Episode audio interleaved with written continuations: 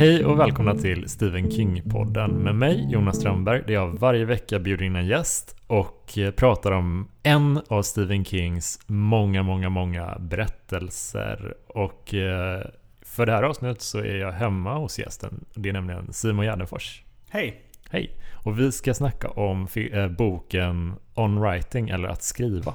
Och det är faktiskt första non-fiction-verket som vi tar upp i podden. Och, hur kommer det sig att du valde just den? Det är den enda Stephen King-bok jag läst i hela mitt liv. ja, men jag tycker den är bra också. Ja. Uh, det, den är ju... Uh, ja, men dels en instruktionsbok i hur man skriver. Och dels en självbiografisk berättelse. Mm. Kan man säga. Som varvas lite om vartannat. Den är väldigt unikt upplagd för att som du säger, den, han växlar rent tekniska tips i, i boken med att berätta om sitt liv. Mm. Och jag kollade också lite precis när den, den här boken kom ut som första publicerade verk efter Stephen Kings olycka. Ja, vet lyssnarna vad det är för olycka? Ehm, Jag har nämnt det tidigare i Mm. ett annat avsnitt av, av Vampodden men i stora drag så var Stephen King ute och promenerade nära sitt hus i Maine och då blev han påkörd av en minivan och blev sjukhusliggande en längre period med lite skallskador tror jag. Det var ganska grovt Mm. där.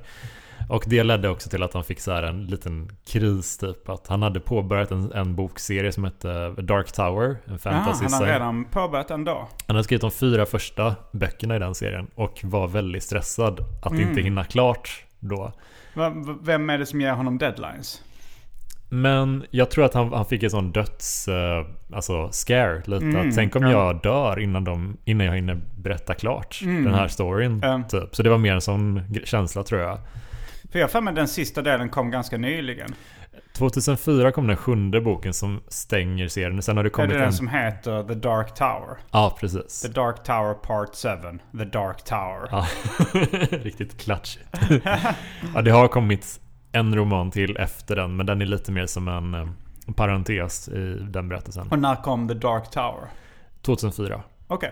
Eh, Och den här boken, On Writing, den måste han ju då ha skrivit när han var sjukhusliggande. Och jag tycker det är ganska intressant för en person som har väldigt mycket idéer och väldigt Mm. mycket fantasi och så inspiration. Att han, när han märker att jag var nära att dö nu, Mm. så är det han väljer att berätta om inte så här någon galen mördare eller en spökhistoria eller att direkt börja avsluta Dark Tower-serien utan det första han gör är att jobba klart on writing. Mm.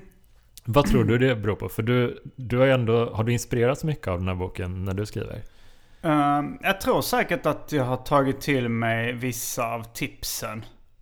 Ehm, men det är svårt att säga vilka direkt. Ehm, men det var ju, det, som ganska mycket andra tips så fattar man, okej. nyckeln till det är ju disciplin, uthållighet och hårt arbete. Ja men jag känner ju att ni har en, även om du inte har läst någon av hans eh, andra böcker så Mm. ni har ett ganska snarlikt angrepp, angreppssätt till skrivande. Okej, Och- och hur tänker du då? Framförallt att ja, men du skriver ett skämt om dagen till exempel. Ja, Och du har gjort det svinlänge. Du bryter inte den trenden. Eh, och du, det känns som att du betraktar det väldigt mycket som att ja, då går vi upp och gör det. ja, Jag, ja. jag går upp och tar en, en dusch, jag tar en promenad, jag äter min frukost. Eller du vet, alltså Mm. det är en statisk grej Ja, i ditt liv, skrivandet. Mm, jo, det blir en rutin. Jo, det, det kunde jag ju kanske relatera mer än inspireras av. Mm. Alltså så att han, att han var väldigt eh, disciplinerad och eh, plikttrogen kan man väl säga. Ja, eh, till sitt skrivande.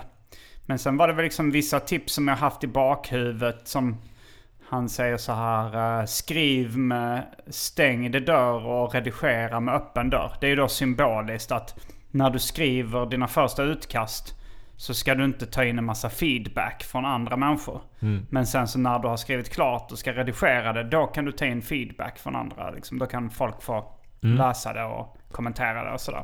Men eh, jag, jag slarvade lite bort en fråga där. Eh, jag kastade typ två frågor på, åt dig samtidigt. Men Mm. eh, i och med att eh, när han var sjukhusliggande och valde att skriva klart den här On Writing som första som kom Ja. ut efter sjukhusvistelsen.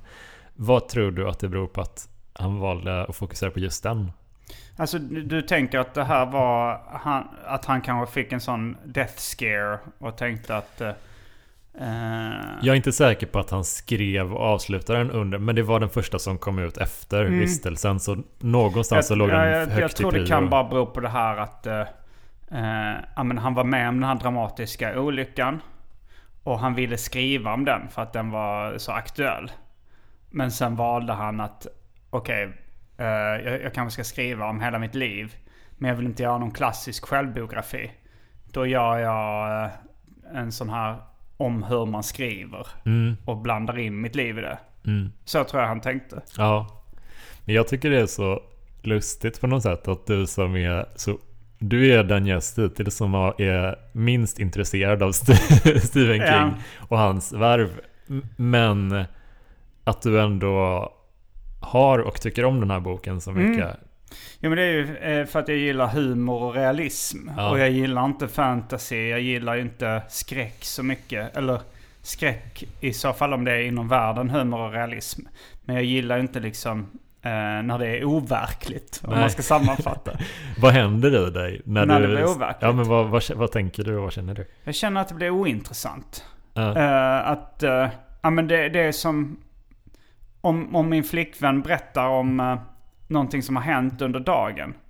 Då är jag väldigt intresserad. Men om hon berättar om en dröm. Då tycker jag det är ointressant.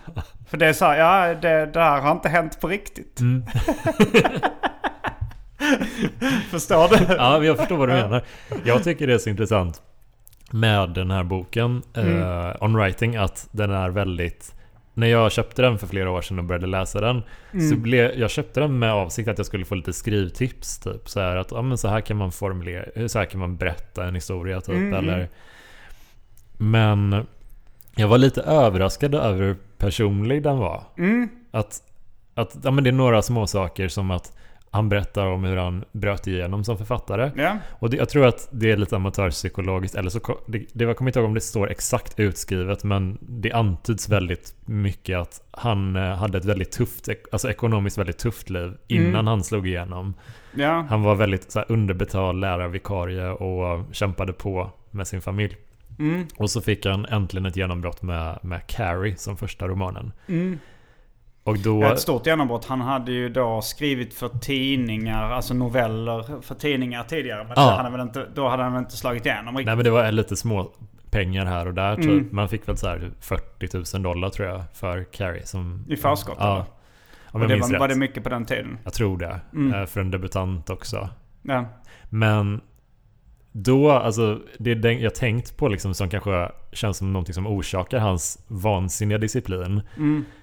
Är kanske någonstans den här underbyggda rädslan att jag ska inte hamna där igen. Att jag Ja. har fått det här och nu ska jag förvalta det väl. Jag har äntligen fått en chans att få arbeta med det här. Ja, jag vet inte om det stämmer. Jag tror att man kan ha den eh, disciplinen och den liksom... Alltså det, att hjärnan kan se ut på ett sånt sätt från födseln nästan. Att man blir väl plikttrogen och disciplinerad och sånt där. Även om man inte haft det ekonomiskt tufft. Mm. Eh, men man vet ju aldrig.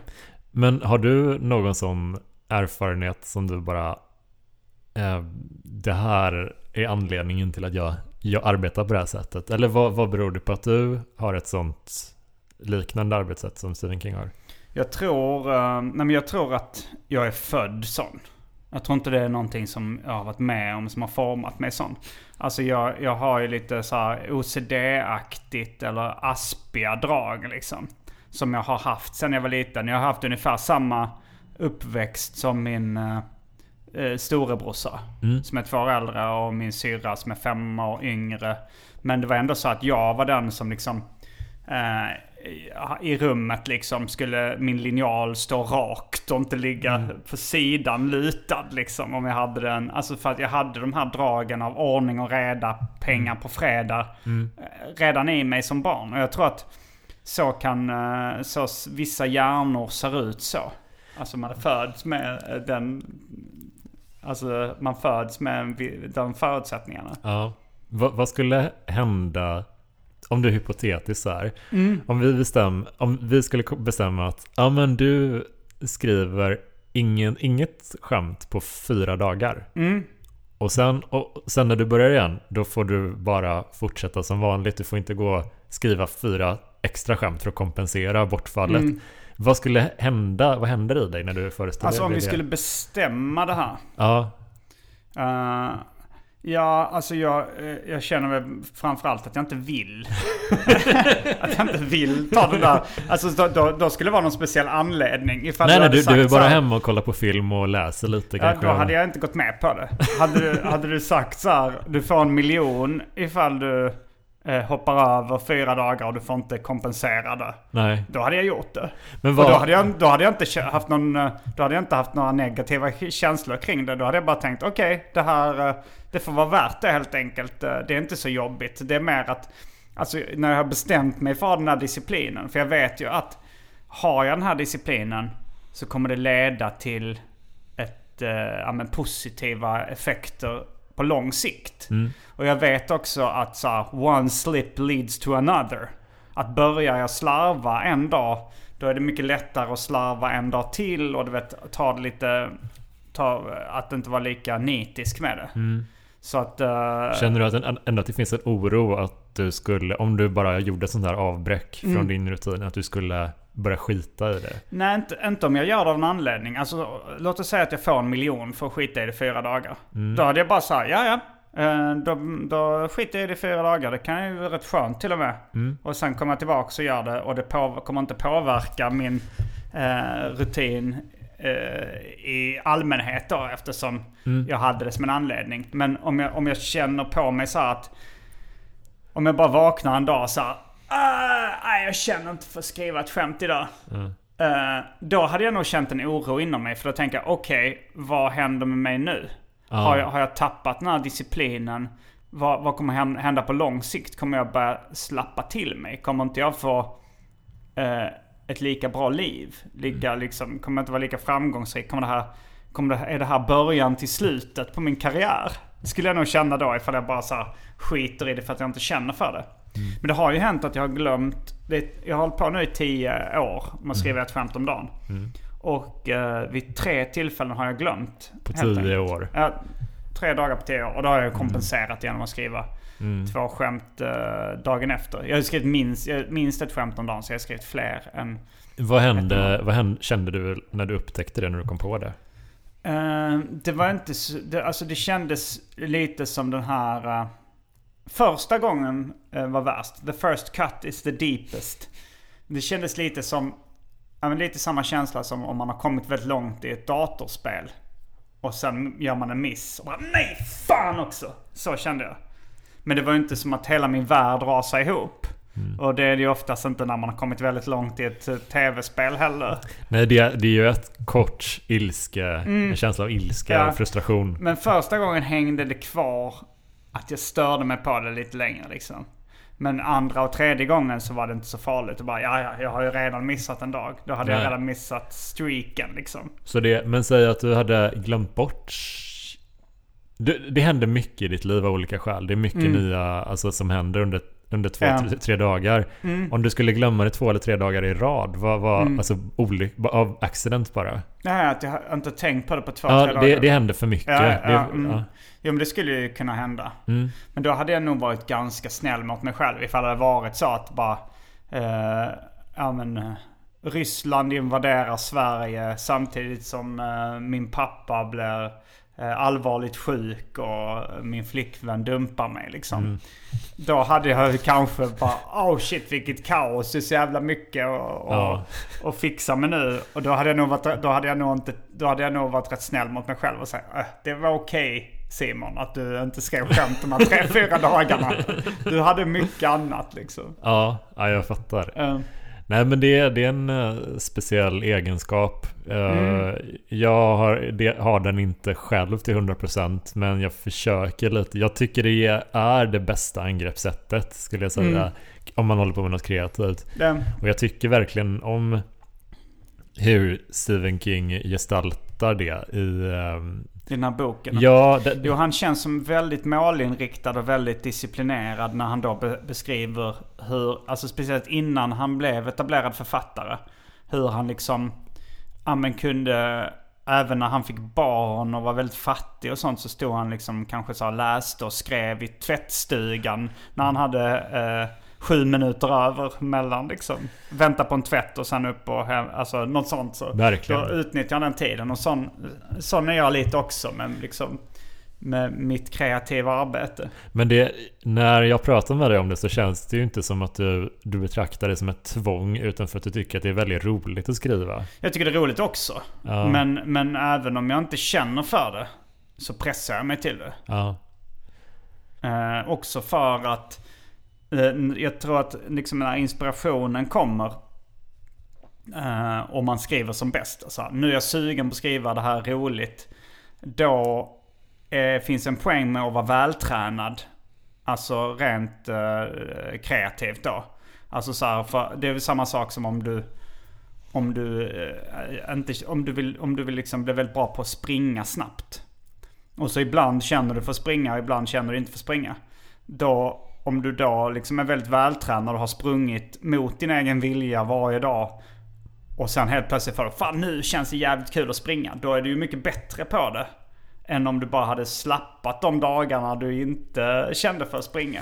så är det ju verkligen. Och, och det är någonting eh, han pratar om i den här boken också. Att det är viktigt att ha en verktygslåda. Det är, det är inte exakt samma. Men han menar ju att det, det gäller att man utvecklar ett antal olika verktyg för sitt skrivande.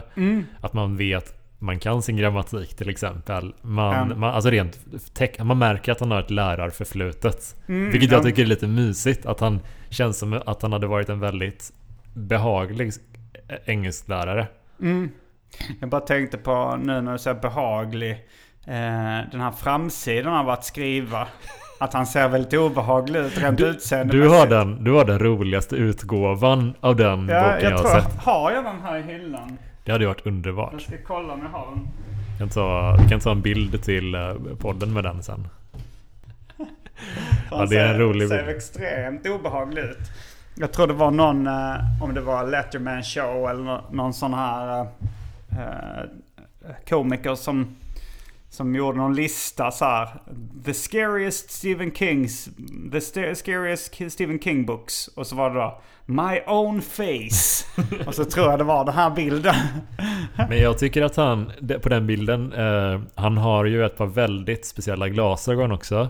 Som, Ja, men Han ser ut som Jeffrey Dahmer lite. Ja, och glasögonen är dels ganska tjocka och dels så märker man att kamerablixten har reflekterat sig lite i Ja. dem. Det, det, är en lite, det är en lite dålig bild med. ja det är jättedålig bild. Alltså, han, är, han, eh, han har lite akne på den. Ja. Han har ett jätteobehagligt leende. Och det, det är liksom verkligen en osmickrande bild. Jag fattar inte hur det här gick igenom. Liksom, har han godkänt det själv? Var fotografen nöjd med det? Var förlaget Alltså, nöjd med det? Ja, jag kan visa eh, bilden till den här podden till exempel. Det är ju en bild där han är eh, äldre såklart. Mm. Men det är ju en mycket mer smickrande bild. Mm. Ja, han har ett sånt liksom djävulskt leende också. På, det är verkligen som en, en ja, psykopatmördare. men titta den här bilden. Ja, det är mycket, mycket bättre. Ja, mycket trevligare. Mm. Han har mer normala glasögon. Han, Jag får kolla på vad han har för glasögon på dem. Ganska små glasögon. Ja, men det kanske också att de är modernare. Att det här var ju någon slags 70-talsglasögon. Ja. Det är ju därför Jeffrey Dahmer kanske har lik, likadana glasögon. För Ja. att det var populärt då. Bland lite nördar liksom också kanske. Men vad tycker lite du? stålbågade, ja, tjocka Ja, den är oerhört omslag alltså. Men vad, eh, vad tycker du om greppet eh, som man använder att blanda instruktionsbok till skrivande med sina egna erfarenheter? Alltså, jag tycker det funkar väldigt bra när han gör det. Men jag, jag tycker inte det låter som en bra idé i teorin. Alltså ifall, ifall någon hade sagt så här, jag ska skriva en, en instruktionsbok i hur man blir stand-up-komiker. Och jag ska göra det som en, uh, blanda in, göra det som en blandning mellan en självbiografisk bok och en instruktionsbok. Då hade jag tyckt, nej det var ingen bra idé. Du vill ha det rent. Antingen vill du ha en självbiografisk berättelse eller så vill du ha en instruktionsbok. Ja, ja i, i teorin. Mm. Men sen när jag läser Stephen Kings att skriva så tycker jag att det funkar väldigt bra. Mm. Och Jag, jag känner inte då, jag hade hellre velat ha en eh, det ena eller det andra. Nej. Men jag, jag hade ju gärna i och för sig läst en självbiografi av Stephen King. Speciellt nu när det har gått längre tid också. Jag, jag tänkte på det, att just Mm. att han har delat upp den här boken i, ja men det är kanske 50-50 som är skrivarteknik Mm. och självbiografi. Men det blir ju också lite som att självbiografin blir en instruktion i hur man blir Ja, Eh, sedelärande berättelser. Ja, nej men författare. För när jag... Eh, det var ganska mycket när jag läste Jerry Seinfelds... Det var inte en självbiografi men biografin då. Jerry Oppenheimers biografi om Jerry Seinfeld. Som jag blev inspirerad till att bli stand-up-komiker. Eh, för då insåg jag så här, okej det är så här man gör. Då var det ju mer... Då är det ju inte mer så här, så här skriver du ett skämt eller så här eh, redigerar du en special. Utan mer... Eh, Okej, du... Om man gör som han gör, liksom att du börjar eh, eh, upp, skriva lite och uppträda lite för dina kompisar och sen går ner till någon stand-up-klubb och jobbar lite som komfa där ett tag. Alltså så här, det blev ju ändå så här en naturlig väg från eh, Joe Schmo till Superstar. Mm. Så, så det, det, på det sättet så funkar ju även hans självbiografi som en instruktionsbok i hur man blir författare på det sättet. Att man kan ju bli inspireras på det sättet. Ja, det är så här man gör. Man börjar... Nu, nu har ju kartan ritats om lite. Du kan ju inte publiceras i science fiction-tidningar på papper på samma sätt och få betalt för det som han kunde göra på den tiden. Nej, men jag tror att det, de exemplen är lite... Det var de förutsättningarna jag hade och de jobbade jag med. Att det Mm. lite är som att, ja men vad finns det nu? Nu kanske det är, man kanske kan... Eller du eh, kanske skriva på internet, Ja. kanske så fanfiction och Ja, sånt där. det Alltså, kanske är finns ett ju- sätt ja, att, att hitta sin röst. typ. Absolut. Och det är så intressant med honom tycker jag. För att periodvis så har han väldigt svårt att hålla nere längden på sina berättelser. Mhm. Att de är ofta väldigt långa och, och sådär. Och Mm. många, alltså riktigt tjocka klossar. Tror du att de hade blivit bättre om han hade komprimerat mer? Nej, delvis. Alltså vissa av dem. Men, men det intressanta med den här tycker jag är att när han för en gång skulle berätta någonting om sig själv. Mm. Då är det inte en renodlad självbiografi utan den delar eh, Mm. utrymme den, med en, em, en guide. En Ja. guidebok till att skriva. Så att det känns som att han, han är ganska ointresserad av Ja, sig själv på något sätt. kanske. Ja, så kanske alltså det. jag tror det är speciellt eh, hans generation. Nu är ju folk mer oblyga med att fläka ut sitt eget liv. Mm, Alltså men på den tiden, han är ju 40-talist eller var när han född? mm, ja. Uh, 40-talister tycker ju det är fult.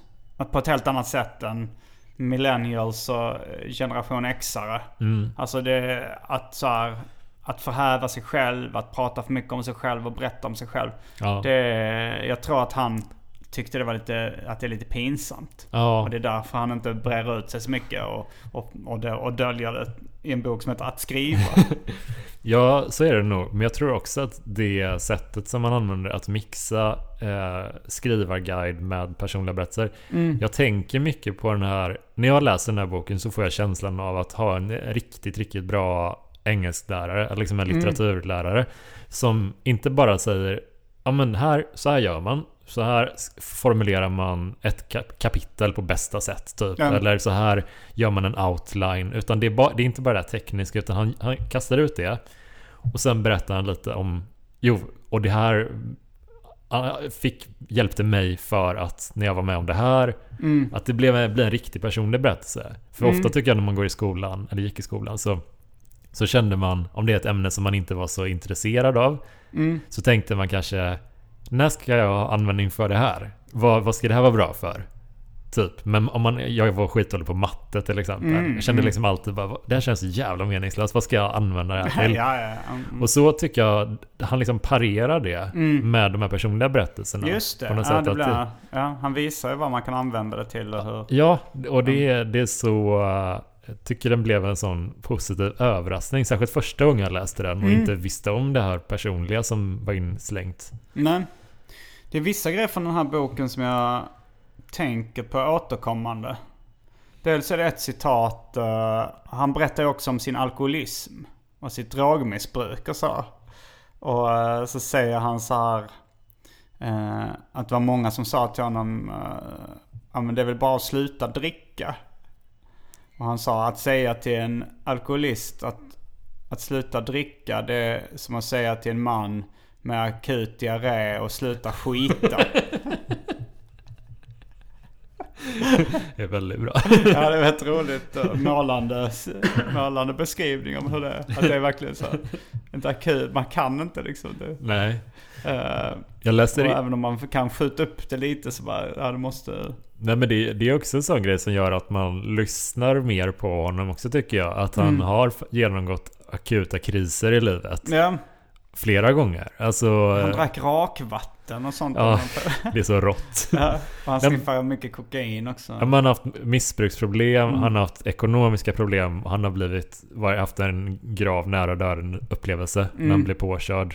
Det, det, Ja, är han gift med samma kvinna som han är gift med i början av boken Mm. fortfarande? Mm. De har hängt ihop länge. hon är hans eh, eh, constant reader tror jag han kallar det. Alltså hon läser ofta manus innan. Just det, han liksom- berättade det. Man ska hitta någon som är ens perfekta publik. Just det, ideala läsaren kallar han Ja, det tror jag. Mm, just det. Det är väldigt fint Mm. på något sätt. Tänker du så när du skriver stand-up att det här är personen som ska... Ja, nej men du och jag testar ju skämt på varandra. Mm, Så, eh, och, och, och på, alltså jag, jag har ju testat eh, att, eh, ja, men, att testa skämt på massa olika människor. mm, Eh, och, men jag, på, på det sättet så tycker jag att för det ändamålet att testa ett skämt och vara den första liksom, lyssnaren av ett skämt så tycker jag eh, du är den bästa. Okej. Mm. För att eh, dels så skrattar du oftast lite åt alla skämt. Men jag tycker men- det är roligt med skämt. Ja, jo, men, man, men det är så här, för det, det är så himla hårt slag när man läser ett skämt och man får ingenting.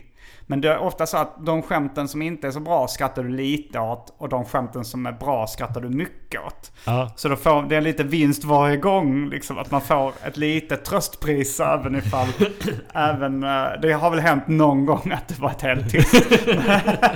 helt tom i ögonen. Men det, men det är väldigt, väldigt sällan. Ja. Eh, så, och sen plus att när jag testade skämt på Anton och Albin. Då skrattade de jättemycket åt de här liksom, grövsta grejerna. Mm. De elakaste skämten, de råaste grejerna. Anton Och- Magnusson och Albin ja, Olsson från. Specialisterna. Din Mm, mina komikerkollegor i specialisterna. Men de... eh, Men då var det ofta så att de skämten som funkade på dem. Sen gick jag till Big Ben eller Norra Brunn. Och då funkar de aldrig, de skämten som de gillade. Det var liksom verkligen en specifik smak de har. Ja. Medan du har lite bredare skämtsmak skulle jag säga. Eh, Så att kanske- så här, du skrattar även åt de som kanske är bara lite finurliga eller lite jag koll- lågmälda. Och även de som är grova och liksom de som är Jag är ganska, Mm. alltså humormässigt ganska, jag kollar mycket på breda komedier och sådär också. Mm. Jag tycker det är väldigt roligt. Så din reaktion är mer lik den allmänna publikens reaktion än vad Anton Albins reaktioner är. Ja, Så okej. därför testar jag det hellre på dig liksom. Ja, ty- vi, vi kör ju så här, vi sätter oss och så tar med Mm. skämt så läser vi typ varannat och, och så ser vi hur den andra reagerar. Ja. Och jag tycker det också det är väldigt skönt för att man får säga eh, ett skämt högt för första Mm. gången och se hur är det jag tänker kring det här och vad behöver man kanske byta plats på de här meningarna Mm. för att det ska funka bättre. Eller är ett skämt halvfärdigt? Hur kan man göra det klart liksom? Mm. Så det är väldigt trevligt. Ja. Sen... eh, men, men sen blir det också att vissa, vissa skämt tänker så här. Det här kommer Jonas skratta jättemycket åt. Men kanske inte vanliga Big Ben-publiken. Det är också, ja men man Och har ju sina favorit. jag, jag, jag, jag har ju lärt mig lite din smak Mm, av mm. humor och sådär. Mm. Eh, men jag, jag tror att idealläsaren är nog i mångt och mycket jag själv. Alltså eller en, en, någon som är väldigt lik mig liksom. För jag tänker så här. Om jag har skrivit ett filmmanus till exempel. Så tänker jag, hur hade jag reagerat om jag sett en sån här film gjord av en japansk snubbe? Alltså så här, det, ska, det, ska ändå, det ska ändå vara liksom i en annan kontext då, så att det är inte, det är inte jag själv liksom. Men, Mm men då, då, och då brukar jag känna så att jag hade älskat det här. Mm. Ifall, det hade, ifall, det här, ifall det var någon, jag hittade en film som handlar om det här och det här och den här typen av humor. Ja. Eh, fast en japansk snubbe hade gjort det. Då hade jag wow, fan vad bra. och då brukar det kännas lite bättre. Så det är liksom... Eh, eh, min idealläsare är liksom ofta en fantasi av en, En fantasi en japan. som, som, är, som jag fast bor i Japan. Det låter fint. mysig, mysig pro- projicering Mm. Men eh, om man skulle avslutningsvis säga så här, vem skulle du rekommendera eh, att skriva eller on-writing till? Mm. Uh, ja, alltså folk som vill bli författare kanske framför allt. Uh, och i andra hand kanske folk som vill skriva grejer som inte är romaner. Den handlar ju rätt mycket om hur man blir roman och novellförfattare. Jag har ju fått användning för det när jag skriver. Jag har hittills inte skrivit någon roman. Eller egentligen... Fast du skrev serieromaner? Det har jag gjort ja. Mm. Uh, frågan är om jag skrivit en serieroman efter jag läst Stephen Kings att skriva. Jag tror inte det. Mm. Men... Uh, nej men så, ja det, det, är väl det ganska simpla svaret. Ja men jag, jag håller med dig mm. och jag tycker också att den är väldigt, om man känner att man har kört fast i sitt skrivande, mm. man, hur man än arbetar med, med, text eller sådär, att den är väldigt bra för att väcka lusten till det igen. Mm. Att man känner så här, ja men just det, så här kan man göra. Att man, man blir lite... sjukt sugen på att skriva när man läser den. Mm, jag, jag, var nästan så här, efter att ha läst den var jag nästan så beredd att släppa allt annat för att bli romanförfattare. Det var, jag blev så sugen på att Ja, det är en sån oerhört trevlig tillvaro. Mm, nej, men, men jag vet inte, det är någonting med den passionen smittar av sig liksom. Och jag tror också att äh, en nyckel till äh, han, det har ju pratats en del i olika sammanhang om att Stephen King skriver väldigt mycket. Och att han mm. publicerar väldigt mycket ja. romaner. Och jag tror en nyckel till det kan man hitta i den här boken. För att han han har arbetat så konstant under så många år. Mm. Att skriva varje dag så här mycket. Liksom det är alltid ett flöde. Mm. Och när man gör det så kommer det till slut det kommer ju väldigt mycket och till slut kommer det mesta vara ganska bra. Att det håller ja. en jämn god nivå. Förmodligen ja. Ja men efter typ så här 30-40 år liksom. Då, mm. då borde man ha någon sorts väldigt hög lägstanivå tänker jag ändå. Ja, jag tänker det. Men, men, men kan det inte vara i kombination med liksom talang? För jag kan tänka mig, det kanske finns folk som är rätt dåliga som skriver varje dag men som aldrig blir så jättebra heller. Ja, och sen tror jag också att eh, han, han låter sin fru titta på mm. allt. Så jag, hon är nog en jättebra redaktör. Ja. Och sen så vet jag att han på senare år även arbetar mycket med sin son eh, Joe Hill. Mm. Eh, och lite med sin andra son Owen King. Så okay. att jag tror att han har liksom en, ett nätverk av redaktörer som lite mm. hjälper honom förfina arbetet. Okay. Så det är också att han släpper in rätt människor. Mm. För i alla fall Joe Hill är också en väldigt duktig författare. Mm. Så... Mm. Har du läst uh, några av de böckerna? Ja, jag har läst en som heter Heart Shaped Box. Mm. Som uh, är väldigt... Uh, han, det är mycket skräck för Joe Hill också. Mm. Men um, Mm, han har en lite annan röst faktiskt. Men sen blir det ju lite ja, men, bra på ren statistik. Liksom att om du skriver, säger så många berättelser så, så kanske om det då är en på hundra som blir en succé så Men så så här, behöver du skriva 200 för att du ska få två succéer. Ja, och han ger ju typ så två romaner om året ungefär. Mm. Och då tänker jag att till slut, om man jämför med en person som skulle ge ut en roman vart tionde år kanske. Mm. Då blir ju det sån stor press på en inför ja, varje det. släpp. Typ, det att man, kan man avslappnat. Ja, att han blir avslappnad, han mm. är orolig och då flyter det på bättre. Om man är spänd och det kan ju bli att man blir mer fokuserad mm. å ena sidan eller för Alltså att man fryser till ja, hjärnan av det istället. Jo, det, jag tänker också på rapparen Lil Wayne. Mm. Han bara liksom under, jag vet inte om han gör det fortfarande, men under många år så bara matar han ur sig. Mixtapes och så va? Mixtapes och låtar. Alltså han spelar in, ja men släppte kanske 600 låtar något år liksom. Det var nog och, bra för honom ändå tror jag. Vad sa du? Det var nog bra Ja men det var nog bra. Och, och då är det också så himla oambitiöst mycket. Ja. Och att vissa, men så här, jag hörde att uh, Buster Rhymes hade fått beaten till Amilli. Men tyckte så nej den här, nej. Eh, han fattar inte grejen med den. Mm. Men jag tror Lil Wayne, han fick biten till Amilli.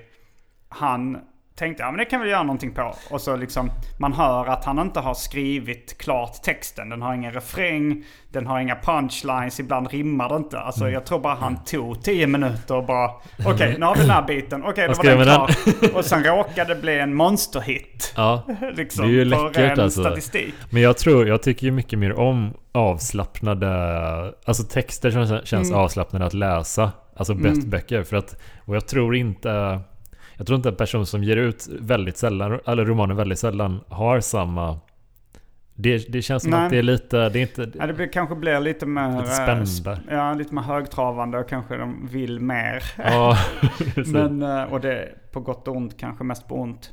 Men en annan grej jag tänkte på från boken Att skriva som är rätt intressant.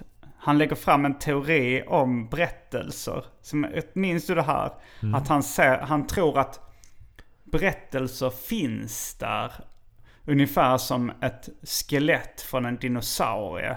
Och sen är författarens jobb bara liksom att försiktigt med en eh, borste borsta bort allt damm så att den här berättelsen eh, eh, liksom hålls intakt och då den det är kvar. Liksom det, man, när man borstat bort allt dammet så har man den här berättelsen som finns där redan jag har liksom en vag uppfattning av vad han menar. Jag kan mm. inte säga att jag mm. förstår det till 100%. Mm. Och jag tror att han, han skriver om det också så att när jag berättar att jag, alltså jag tror det här på riktigt. Det är många som jag berättat det här för som säger det där säger du bara för att vara speciell. Men uh, det är hans teori som han tror. Han tror liksom att berättelser är saker som egentligen finns där. Att det är ingenting man hittar på. Mm. Jag tror verkligen att det finns en poäng i det. Och mm. eh, dels så det, finns det väl en sån teori om att det finns ett visst antal berättelser. Alltså typ, ja, typer av ja, format och så här. Och det kan man ju eh, lägga åt sidan kanske lite. Men jag tror att det spelar in lite. Och sen tror jag också att det hjälper att han betraktar sitt eget arbete på det sättet. Ja. För om man, om man har liksom en metafor kring, kring sitt eget skrivande, mm. då blir det lättare att komma igång med det och bibehålla det och sådär. Han pratar ju också en del om eh, jämför skrivande med snick, snickeriarbete. Mm, ja. Och sådär. Och det tror jag också bidrar väldigt mycket. Alltså det hjälper en själv att hålla lite styrfart och lite struktur. Mm. Om man tänker på det. Och här lägger vi grunden, sen bygger vi väggarna. Just det. Och, och liksom, alltså sånt. Nu dekorerar vi den. Ja, man behöver någon, någon mm. typ av metafor för att arbeta kring det kanske. Eller det kan underlätta tror jag i alla fall. Mm. Att man ser helhetsbilden långsamt framträda typ. Jag tycker det är en väldigt fin bild han målar mm. upp oavsett om... Och jag tror också Jag vet inte om jag återgav den korrekt. Men jag känner igen det. Lite, bläddrar lite nu i boken här för att se om jag kunde hitta den av en slump. Men det, det, det är nog... Men jag känner igen den eh, liknelsen mm. väldigt väl. Och tror nog att det är så han betraktar det mm. på många sätt. Och sen vet jag inte exakt om jag håller med om, om det. Men det, det är ett fint sätt att se på det i alla fall. Mm. Men... Ja, det är intressant. Ja, men uh, har du någonting du tycker jag... Något jag vill tillägga? Ja. Inget jag kommer på just nu. Nej, men uh, då tackar jag för att du var med i Stephen King-podden och snackade att skriva slash on writing. Mm. Det var väldigt kul. Och om man har läst den här boken så får man jättegärna uh, kommentera lite i kommentarsfältet på eftersnacksgruppen på Facebook eller var man nu hittar den här, det här avsnittet. Så kan vi ta snacket vidare dit. Tack för att ni har lyssnat och tack för att du har gästade. Hej då. Hej då. Ett roligt citat här i början. Ärlighet varar längst. En lögn går alltid hem. två från två olika personer.